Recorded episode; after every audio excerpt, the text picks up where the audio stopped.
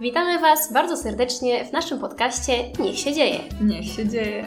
Ja jestem Jadwiga, A ja Stefania. i dzisiaj przychodzimy do Was z bardzo wyjątkowym odcinkiem, przynajmniej dla nas, ponieważ tym razem nadajemy z tego samego krańca świata, siedząc tuż obok siebie, pijąc herbatkę i jedząc ciasto, ponieważ Stefania przyjechała mnie odwiedzić w Brazylii, więc siedzimy sobie w Rio de Janeiro. Dokładnie. Więc czas zacząć ten odcinek o Brazylii. Moje pierwsze wrażenia. Jadzi pierwsze wrażenia z trochę dłuższego czasu. Jedziemy. Vamos lá. Mil ideias, uma história de amor e o assunto é nós dois, dois amantes namorando na beira da praia. Ai, ai, ai, ai. Nada pode ser melhor pra gente se amar. Do Brazylii przyjechałam wczoraj do Rio i tutaj podzielę się takimi pierwszymi, pierwszymi wrażeniami, jak to jest jechać właśnie z tego lotniska i spędzić dwa pierwsze dni w Rio, bo powiem szczerze, jestem zachwycona. Więc zacznijmy od tego, że Brazylia jest w, położona w Ameryce Południowej i jest krajem Latynoameryki, mimo że się mówi tam po portugalsku i to może być mylące, ale Latynoameryka obejmuje wszystkie państwa, w których się mówi, w Ameryce oczywiście, w których się mówi językami pochodzącymi z łaciny. Więc ta Brazylia, gdzie mówi się po portugalsku, właśnie też jest latam i jest ogromnym, ogromnym krajem. y, Niesamowicie kolorowym, niesamowicie inspirującym i myślę, że tutaj wiele osób ma gdzieś na tapecie i na bucket list, żeby w ogóle tam pojechać. Pierwsze wrażenia były takie, że Rio jest bardzo zielonym miastem. I już jak jechałam, to powiem Wam, że poczułam taki vibe trochę Meksyku, trochę Kolumbii, takie po prostu odetchnięcie Latynoameryką. W sensie po prostu to czujesz, że to jest ten kraj z grupy krajów latynoskich. I to tyle w sumie. Jeśli chodzi o pierwsze wrażenia, poszłam, co zrobiłyśmy do tej pory? Poszłyśmy na plażę, em, poszłyśmy do sklepu, przeszłyśmy się ogólnie po okolicy. Widziałam różnych już tutaj lokalsów. Już jakaś pani się nawet nas zapytała, jaka jest woda w lagunie, więc już miałam takie pierwsze doświadczenia. I powiem Wam coś, co mnie zszokowało, i to jest taka pierwsza anegdotka z tej, z tej podróży. To to, że wczoraj poszłam spać całkiem wcześnie, tak no około 10 wieczorem i obudziłam się około 3.40. I słuchajcie, usłyszałam przez otwarte okno wielkie wrzaski, wielkie ryki. Warto zwrócić uwagę na fakt, że Jadzie teraz mieszka w takim akademiku i naprzeciwko tego budynku jest duże boisko do futbolu, do piłki nożnej. I słuchajcie, ci Brazylijczycy, tam było nawet, tam nie ma jednego boiska, tam są ze dwa albo trzy albo cztery. Słuchajcie, oni grali w piłkę nożną o tej 3.40. I ja myślałam, ja tak na to popatrzyłam, bo ja autentycznie jak się obudziłam w tej, w środku nocy, to ja myślałam, że już jest nad ranem. A że miałam jeszcze lekcje online i tak dalej, to już po prostu się zerwałam, która jest godzina, że tak jest głośno, że oni grają w tą piłkę nożną. A to była czwarta rano. I tak sobie pomyślałam, no nic dziwnego, w sensie pozdrawiam. I to mi tak trochę zarysowało kulturę piłki nożnej w Brazylii. To też sprawiło, że zrozumiałam, dlaczego na przykład dla nich ambicją nie jest nawet zajęcie drugiego miejsca na, na mundialu, tylko jedyną opcją jest zajęcie pierwszego miejsca, bo jeżeli amatorzy grają całą noc, to, to to dopiero teoretycznie, nie? Profesjonaliści. W sensie wiadomo, że to tak nie jest, ale no niesamowicie wielkie wrażenie. I słuchajcie, tutaj właśnie teraz rozmawiałam w kuchni z, z kilkoma osobami na ten temat i jeden Brazylijczyk powiedział, że według niego to jest to, że te boiska się bukuje, bo tyle osób chce grać i po prostu bardzo często muszą czekać na odpowiednią godzinę i czasami wypada to o trzeciej rano, a czasami o czwartej rano. No i jak już wyczekali, zabukowali sobie, to grają i że bardzo często to są jacyś taksówkarze, y, kelnerzy po pracy i że po prostu jak mają poczekać jeszcze te dwie godziny powiedzmy po pracy, to czekają i grają wtedy w, tą, w środku tej nocy. Niesamowite. Ja z kolei, jeżeli chodzi o piłkę nożną, to ogólnie nie jestem w stanie powiedzieć za wiele, ponieważ ekspertem nie jestem i to nie jest mój temat. Ale mieszkałam tutaj, jak rozpoczął się mundial, a więc widziałam reakcję Brazylijczyków na całe te igrzyska. I oczywiście mogłabym to sobie porównać do Polski, jak na przykład, nie wiem, właśnie jest euro i tak dalej, ponieważ wszyscy wtedy chodzą po ulicy, oczywiście ubrani w kolory Brazylii i na przykład flaga Brazylii składa się z trzech kolorów.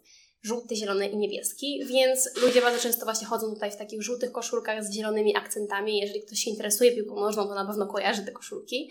Albo właśnie jakieś niebieskie akcenty i tak dalej. Także zdecydowanie no widać tę miłość do futbolu, zwłaszcza w meczach, w których grała Brazylia. I rozmawiałam później, po tym jak Brazylia odpadła z, z mundialu z niektórymi osobami, jak się oni czują właśnie z tym, że jakby nie zajęli tego pierwszego miejsca. I to, co mnie zaskoczyło, to któraś osoba mi powiedziała, że w sumie czuje trochę ulgę, jako że to jest ogromna presja na Brazylii i na Brazylijczykach, jako że oni są tacy dobrzy, tak świetnie grają w piłkę nożną, to to, że właśnie oni będą zawsze wygrywać te igrzyska. Więc koniec końców można powiedzieć, że jest to taka presja na całym narodzie, więc to jest coś, co mi się spodobało, w sensie to było taka, taki ciekawy insight, anegdotka. I tak samo jestem w stanie powiedzieć na temat wyborów prezydenckich trochę. Nie będę tutaj zahaczać o politykę, ponieważ absolutnie nie czuję się ekspertem w tej dziedzinie, ale przyjechałam akurat w dniu, kiedy były wybory prezydenckie w Brazylii, czyli pod koniec października 2022 roku. Jestem teraz już tutaj 4 miesiące.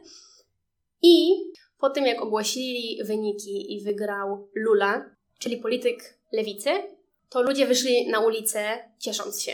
I jakby nie wchodząc absolutnie w szczegóły właśnie polityki brazylijskiej, ponieważ też się na niej na tyle nie znam, jakby ludzie na przykład lubią tego prezydenta jako, że rozdaje biednym, w sensie pomaga biednym, właśnie szuka różnych sposobów na dofinansowanie i tak dalej. I dlatego jest wielbiony przez, przez ludzi. Na przykład moi współlokatorzy młodzi, jeden ma 20 lat, a druga dziewczyna ma 30, to skakali z radości i się popłakali, jak ogłoszono oficjalne wyniki. I ludzie po prostu wyszli na ulicę i zrobili jakby taką paradę na ulicy. Ja przyznam szczerze, że wzięłam w niej udział. I właśnie mi powiedzieli, że to trochę jest taka namiastka karnawału. Powiedzieli mi właśnie, że tak będzie wyglądał karnawał, tylko jeszcze lepiej. I to byli właśnie ludzie cieszący się, śpiewający, tańczący na ulicy, tańczący samby. Wyszli ludzie z bębnami i zaczęli grać na bębnach. Także było to bardzo ciekawe doświadczenie, w którym właśnie można powiedzieć, że dane mi było wziąć udział i zobaczyć taką radość ludzi. I przechodząc jeszcze właśnie do tego karnawału, słynnego karnawału w Rio de Janeiro, który ma miejsce w lutym, właśnie się skończył. I on trwał w tym roku od 17 lutego do 25 lutego, czyli przez jakiś taki tydzień. Ale ciekawostka jest taka, że ten karnawał tak naprawdę nie trwa tydzień, tylko on trwa tak naprawdę takie trzy tygodnie. Ponieważ można podzielić ten okres na okres przedkarnawałowy, karnawałowy i postkarnawałowy ponieważ przed tym głównym wydarzeniem są imprezy i one nazywają się blokos albo blokinios, czyli bloczki. I chodzi o to, że są to jakby miejsca rozsiane w różnych częściach miasta, w których ustala się w konkretnych dniach i godzinach imprezy. I jakby oni puszczają muzykę, ludzie się tam schodzą, piją piwo i różne tam jakieś tam al- mm, rodzaje alkoholu. Słuchają muzyki, śpiewają, tańczą, przebierają się, malują, obsypują się brokatem i tak dalej.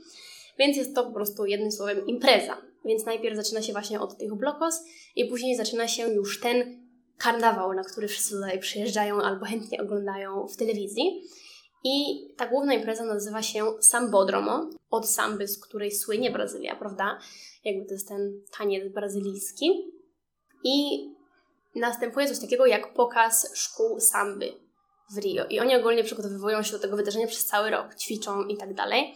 I zaczyna się to w piątek i to trwa do poniedziałku. Piątek, sobota, niedziela, poniedziałek bodajże. To są te najgłówniejsze imprezy. Mój znajomy mi powiedział, że najtańszy bilet, żeby wejść na jeden taki dzień, a dokładnie jedną taką noc, bo to się chyba zaczyna o 22, to to jest 600 reali, czyli ja bym powiedziała, że to jest około 500 zł.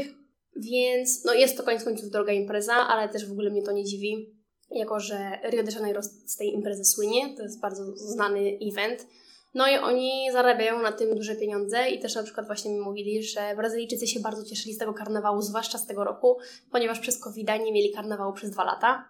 I mogę, jakby byłam świadkiem tego, jak ludzie postrzegają tę imprezę i to jest bardzo zakorzenione w ich kulturze. W sensie oni żyją na tego karnawalu prawie, że naprawdę.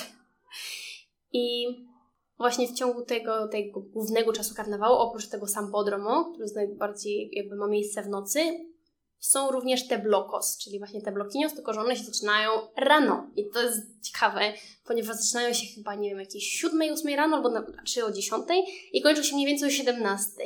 I ludzie wychodzą rano, poprzebierani, obsypują się właśnie tym brokatem, który później podobno jest bardzo ciężko z siebie zmyć. Mój znajomy mi mówił, że musiał wziąć trzy razy prysznic, żeby z siebie ten brokat ściągnąć. I przebierają się na jakby w różne kostiumy. Nie wygląda to jak Halloween zdecydowanie. To nie są jakieś przebieranki typu jakieś cosplay i tak dalej. Ale właśnie za różne postacie widziałam gdzieś tam powiedzmy na przykład policjantów czy coś. Ale też króluje moim zdaniem trochę taka moda na negliż, czyli jakby im mniej ubrań masz, tym lepiej. I mnie, jako powiedzmy Polki, Europejki, trochę mnie to zaszokowało. Jakby dla mnie to było za dużo.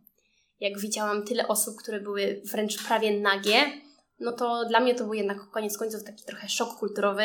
I nawet jeżeli mielibyśmy w Polsce, powiedzmy, właśnie taką imprezę karnawałową, to chyba by nie przeszło coś takiego w Polsce. W sensie, koniec końców, moim zdaniem, my jesteśmy krajem zbyt konserwatywnym i zbyt tradycyjnym, żeby takie przebrania jakby obeszły się bez echa, co nie? No ogólnie też Brazylia jest postrzegana jako taki kraj bardzo otwarty w różnych dziedzinach życia, prawda? Dokładnie. I to się do tego zalicza. Tak. Zdecydowanie Brazylia jest liberalna pod wieloma kątami. Więc jakby widziałam właśnie dużo na przykład kobiet, tak żeby Wam może trochę zobrazować, które na przykład były prawie że w samej bieliźnie, czyli na przykład majtki, stanik albo jakieś bikini plażowe i do tego na przykład rajstopy takie w oczka Mhm. i obsypane brokatem. Mhm. Faceci też na przykład shorty albo właśnie coś w stylu jakichś bokserek i tylko brokat. Kolorowo. I Kolorowo. I jakby absolutnie tego nie hejtuję, nie mam absolutnie nic do tego. Uważam, że to jest bardzo też ciekawa forma wyrażenia siebie i uważam, że niektóre te osoby w ogóle wykazały się też bardzo dużą dozą kreatywności. Widziałam na przykład, jeden mój znajomy się przebrał w ogóle z jakiegoś Cezara chyba. W każdym razie dla mnie to było taki vibe Rzymu, starożytnego Rzymu, bo pojawił się, wyszedł właśnie w takich białych szatach, nie wiem, to było prześcieradło czy coś i w takim wieńcu laurowym na, Hmm. na, na głowie. Dlatego były różne właśnie kostiumy i tak dalej. No i przyznam szczerze, że bardzo mi się to podobało. To było ciekawe doświadczenie. Ja może teraz za kogoś, kogoś zaskoczę, ale osobiście w karnawale nie wzięłam udziału. Mianowicie nie byłam na żadnych blokos, nie byłam na żadnych imprezach i nie byłam też na Sampodromo. Jako, że mam po prostu w tej chwili trochę inne priorytety i może to kogoś w tej chwili zszokować, bo jak to możesz mieszkać w Brazylii, w Rio de Janeiro podczas karnawału i nie wziąć w nim udziału. Ale ja też tego nie do końca postrzegam tak, że nie wzięłam w nim udziału. Jakby byłam w środku, rozmawiałam z ludźmi i oni, oni są po prostu zachwyceni tą imprezą. A na przykład twoi znajomi tutaj z You Living, to oni brali udział? Wszyscy. Wszyscy, poszli. Wszyscy. A jak to wtedy jest? Oni na przykład idą w jeden weekend, czy codziennie? Zależy od osoby, ale większość chodzi codziennie. A, Mój jeden znajomy no, właśnie się mnie zapytał, czy podobał mi się karnawał, czy jakby y, takie kuchci. Takie... a czekaj, a jak to wytłumaczyć? Czy jest jakiś bilet open albo dla Brazylijczyków jest taniej?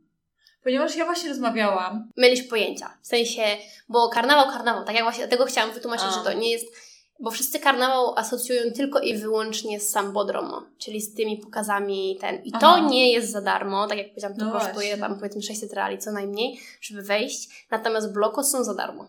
Okej. I dlatego A. widzi się potem ulice po prostu pełne ludzi, Mhm. którzy idą piwo w dłoni ze znajomymi i idą właśnie na bloko, żeby się tam właśnie Okej, spotkać. Czyli twoi znajomi brali udział w blokos, ale niekoniecznie Bardziej. w pokazach. Dokładnie. To raczej jest takie once in a lifetime, prawda? Że jak już raz wejdziesz, no nie wiem, tak sobie myślę. Szczególnie dla takiego Brazylijczyka, który, jak teraz rozmawiałam, to na Cristo, żeby pójść, to było drogo. No. A wiesz, to jest o wiele, o wiele tańsze niż takie Dokładnie. Tak, bo na przykład właśnie jeżeli chodzi o cenę o tego słynnego Chrystusa, który jest jednym z cudów świata, to cena, żeby do niego wejść, to jest 112 reali i nie ma żadnych zniżek.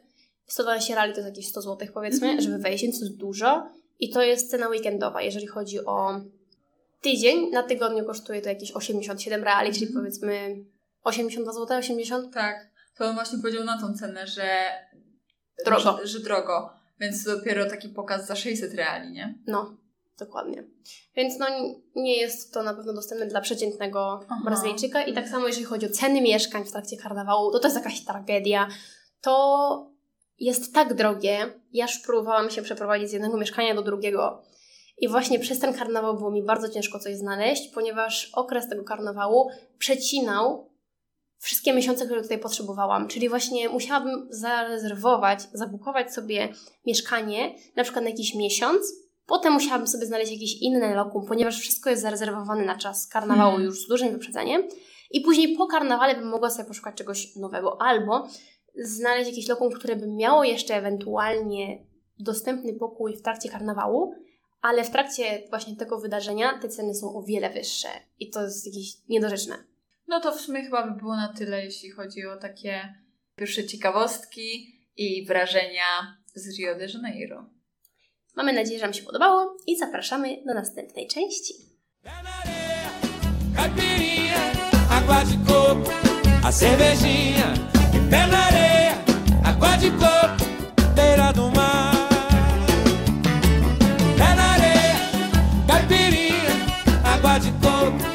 cervejinha.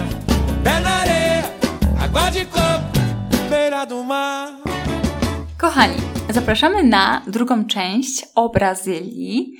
Jako, że jutro już wyjeżdżam, więc to będzie krótkie podsumowanie moich przemyśleń na temat tego kraju oraz e, dodanie większej, szerszej perspektywy przemyśleń Jadzi, która jest tutaj o wiele dłużej i zamierza zostać. Zacznę od tego, że generalnie Brazylijczycy jawią mi się jako bardzo, bardzo ciepły, otwarty, miły naród. Pomocny, serdeczny, bardzo zakochany w Brazylii. To się przejawia na każdym kroku.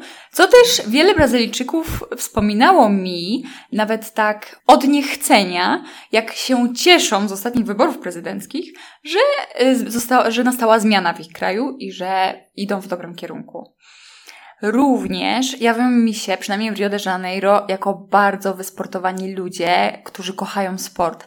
Jak się idzie Copacabaną, czy w dzień, czy, czy w nocy, grają w siatkówkę, grają w Fuji Volley, e, o którym wspomniałyśmy w pierwszej części, i w piłkę nożną tak samo, to też co wspomniałam, że, że grali od samego dnia do czwartej nad ranem. Ogółem widać, że kochają sport. Dokładnie. I mogę jeszcze tutaj dodać, że właśnie oni uwielbiają słońce, uwielbiają się opalać. I to jest nacja, która jest w sumie zakochana trochę, mam wrażenie, w opaleniśnie i w takiej ładnej opaleniśnie. Na przykład dlatego bikini, które noszą Brazylijki tutaj, są zawsze małe, skąpe, ponieważ jak przeczytałam w jednej książce, w której było wspomniane trochę na temat brazylijskiej kultury, to po prostu Brazylijczycy nie lubią mieć takich dużych śladów na ciele. Dlatego myślę, że to jest dobry przykład, dlaczego brazylijskie bikini są zawsze takie małe. Oprócz tego słynne są również brazylijskie pośladki, co można właśnie też zobaczyć, że oni też uwielbiają sport i ćwiczą, żeby właśnie ta sylwetka się dobrze prezentowała. Koniec końców w Rio de Janeiro lato trwa tak naprawdę cały rok i na plażę można iść w każdym miesiącu, więc trzeba jakoś wyglądać, prawda? Oprócz tego zauważyłam, że mieszkańcy Rio są w tym mieście zakochani. I wśród powodów zawsze właśnie mówią, że pogoda, że jest tu ciepło, że jest słońce, że jest plaża. I oprócz takich właśnie pogodowych i naturalnych aspektów, tak jak na przykład natura Rio jest również niesamowita, ponieważ mamy tutaj morze, mamy laguny, mamy góry, można iść uprawiać wędrówki górskie i tak to również Rio jest jednym z tych miast Brazylii, które jest jednak koniec końców trochę bogatsze i jest tutaj więcej możliwości zarobku. I wielokrotnie o tym słyszałam w rozmowach z Brazylijczykami, na przykład gdy e, gadałam na ten temat z kierowcami Ubera i poznałam takich, którzy byli z regionu, który nazywa się Bahia, który jest na północnym wschodzie Brazylii. I ogólnie istnieje takie porównanie, że północny wschód Brazylii jest biedniejszym regionem. Więc jest tam zdecydowanie mniej możliwości, jeżeli chodzi o pracę, i ludzie są tam po prostu biedniejsi, co też widać po cenach, ponieważ moja znajoma ostatnio była właśnie w tym rejonie Bahii i powiedziała, że kokos, który kupiła sobie na plaży, kosztował tam 3 reale, gdzie w Rio nie widziałam żadnej ceny, która by schodziła poniżej 7. Więc to jest 7-8 reali zazwyczaj, więc to jest koniec końców przebitka dwa razy. Więc można też chociażby potem zobaczyć różnice w cenach. I ostatni punkt właśnie o takiej miłości, jeżeli chodzi o to miasto, to, że Brazylijczykom również jawi się Rio de Janeiro jako taka destynacja turystyczna, jako miejsce wakacji, jako niesamowity raj, właśnie żeby przyjechać, spędzić czas na plaży, pozwiedzać. Więc nie tylko dla nas obcokrajowców Rio de Janeiro jest takim wspaniałym miastem, ale również dla innych Brazylijczyków. Zdecydowanie i ta miłość obejmuje również Brazylijczyków, którzy właśnie przyjechali do Rio z innych regionów. Tak jak na przykład moja host y, z Airbnb i współlokatorka, które przyjechały z południa, obydwie, i też były bardzo zakochane w tym mieście. A co do dogadywania się, to powiedziałabym, że warto nauczyć się paru zwrotów portugalskich, i zdecydowanie znajomość hiszpańskiego pomaga. Angielskiego, wiadomo, angielski zawsze jest wartością dodaną i, i w miejscach bardzo turystycznych można bardzo łatwo się porozumieć praktycznie z każdą osobą z obsługi. Natomiast w przypadku przeciętnych Brazylijczyków ten angielski nie jest na bardzo wysokim poziomie. Po prostu podstawowa komunikacja. Dokładnie. I ja, jeżeli o mnie chodzi, to ja nie mogę za wiele na ten temat powiedzieć. Jedyne co to właśnie wśród rozmów z Brazylijczykami wielokrotnie słyszałam, że nie czują się zbyt pewnie w języku angielskim, ale jako, że rozmawiam z nimi tylko i wyłącznie po portugalsku, to nigdy nie miałam do końca takiego spotkania twarzą w twarz z tym problemem. Ale to się wiąże z pewnym problemem społecznym, który jest bardzo obecny w Brazylii, mianowicie słaba edukacja, ponieważ jest to kraj, w którym poziom edukacji jest bardzo słaby i często o tym słyszałam właśnie w rozmowach z Brazylijczykami, że niestety wykształcenie jest w tym kraju na niskim poziomie. Więc jeżeli pomyśleć o tym w ten sposób, że mają niski poziom edukacji takiej ogólnej, to co dopiero oczekiwać, że będą biegli w językach obcych. Jakby koniec końców to nie jest taka fundamentalna wiedza, prawda? To nie jest pilar, bez którego człowiek się nie obejdzie.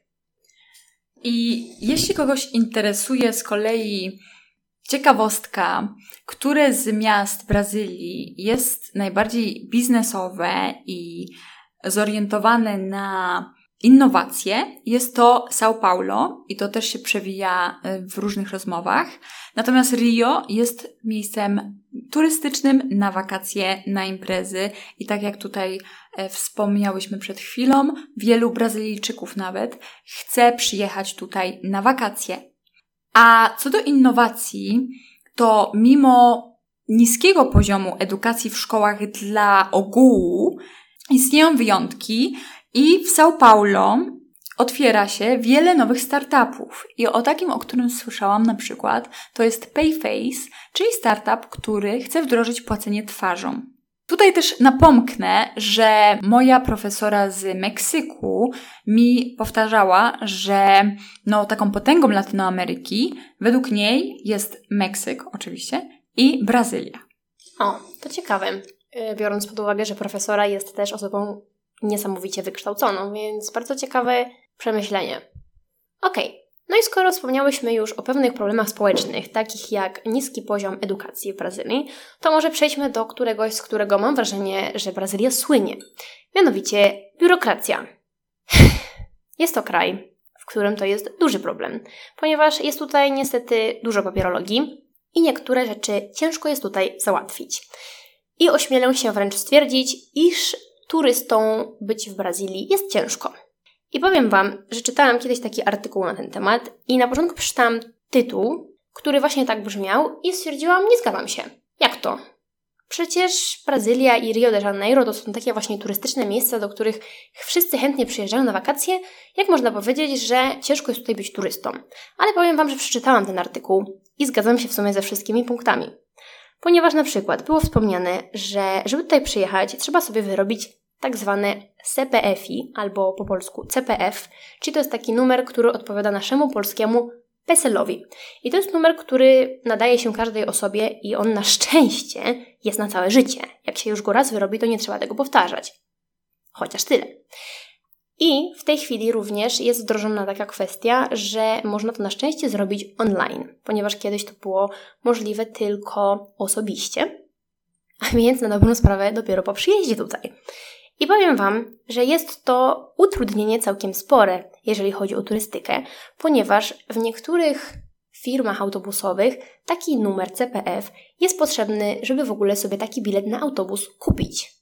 Wyobrażacie sobie, że ktoś przyjeżdża do Polski i musi sobie wyrobić numer PESEL, żeby przejechać z Warszawy do Wrocławia? To tak. Oprócz tego miałam również taką sytuację, gdy musiałam się przeprowadzić z mojego mieszkania i szukałam Airbnb. I zmienił mi się region na Brazylię. I powiem Wam, że aby zarezerwować to mieszkanie, musiałam wpisać właśnie ten CPF, a także musiałam wpisać cały adres łącznie z kodem pocztowym. Więc jeżeli w sumie osoba nie ma takiego CPF-a, no to cóż mogę powiedzieć, no jest ciężko. Więc to jest pierwsza kwestia. Druga to jest karta SIM. I jeżeli podróżujecie i przede wszystkim jeżeli podróżujecie poza Unią Europejską, to wiecie, że na polskim numer, numerze daleko nie pojedziecie. Co nie? I trzeba sobie kupić na przykład lokalną kartę SIM.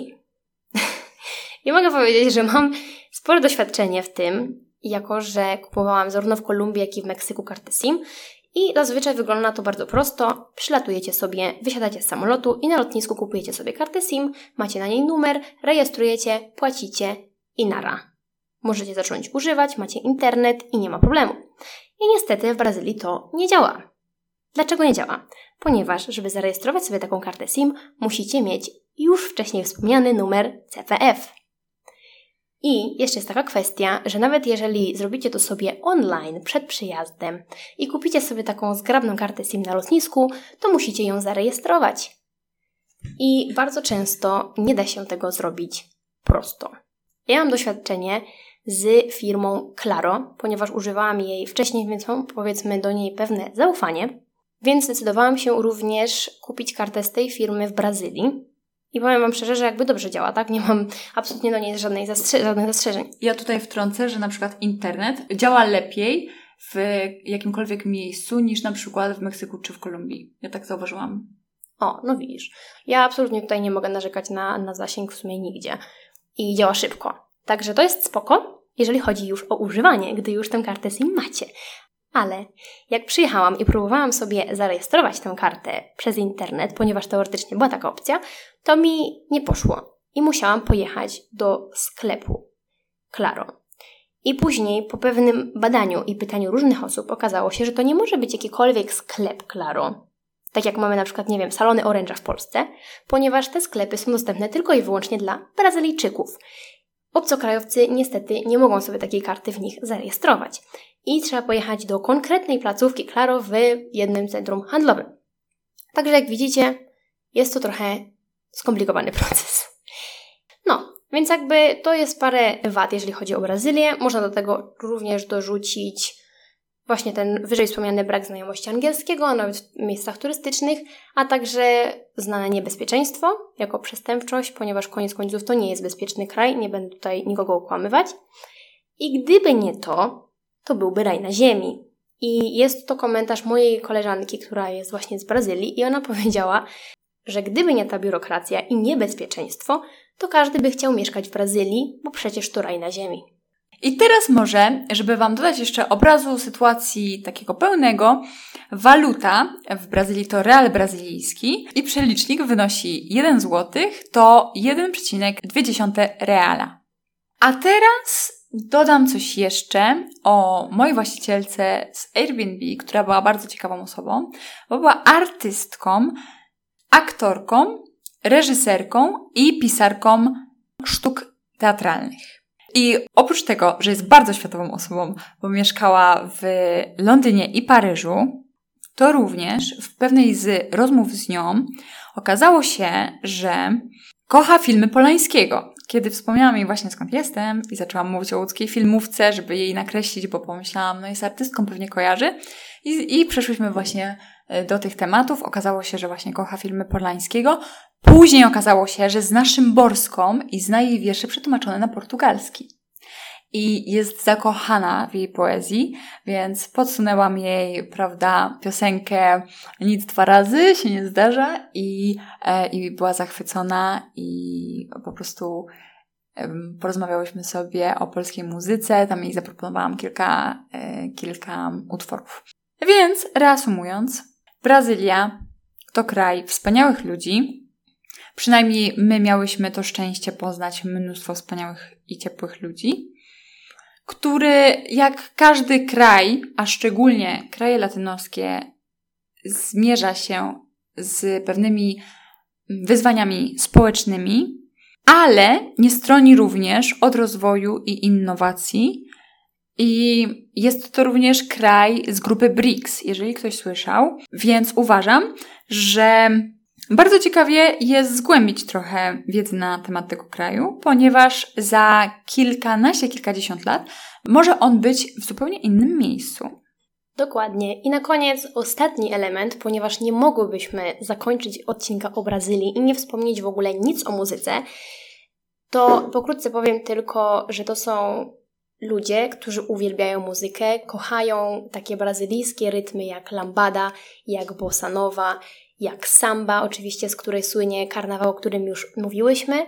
I często to właśnie słychać na ulicach, czy też raz wybrałyśmy się do takiego totalnie lokalnego baru, w którym akurat tego dnia grali bosanowe i powiem Wam, że to był niesamowity klimat, ponieważ w środku były stoliki, przy których usiadła czwórka, piątka artystów, czwórka z gitarą i jedna dziewczyna miała taki mały tamburyn i zaczęli właśnie grać największe hity, największe klasyki bosanowe i śpiewać, więc był to bardzo niesamowity, piękny klimat i wszyscy, którzy przyszli jakby słuchać, bo wstęp był tak naprawdę za darmo, po prostu kupowaliśmy jakiś napój od nich, możliwa była woda bądź też piwo i dla słuchających nie było stolików, to również uważam, że miało taki trochę uliczny klimat i mają bardzo ciekawy zwyczaj, że na koniec występu nie klaszcze się, tylko pstryka palcami. Więc zdecydowanie było to bardzo ciekawe doświadczenie, które pokazało nam taki kawałek tej muzycznej